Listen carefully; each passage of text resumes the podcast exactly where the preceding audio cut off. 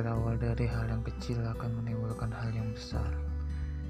Cepat atau lambat, semua kebaikan akan terwujud, sehingga kita mampu menyesuaikan diri kita, mana yang baik, mana yang buruk, mampu memilah dan memilih mana yang untuk kebutuhan, mana untuk gaya hidup. Jadilah sebuah pribadi yang amanah dan selalu dapat dipercaya, baik di dalam diri ataupun masyarakat ubahlah diri kita menjadi pribadi yang super enjoy yang tidak punya beban sama sekali ketika menghadapi sebuah masalah.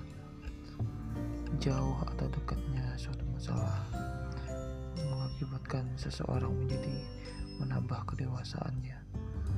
Berkat masalah menjadikan seseorang kuat menghadapi mental yang lemah fisik yang kurang gagah. Namun itu semua. Kita menjadi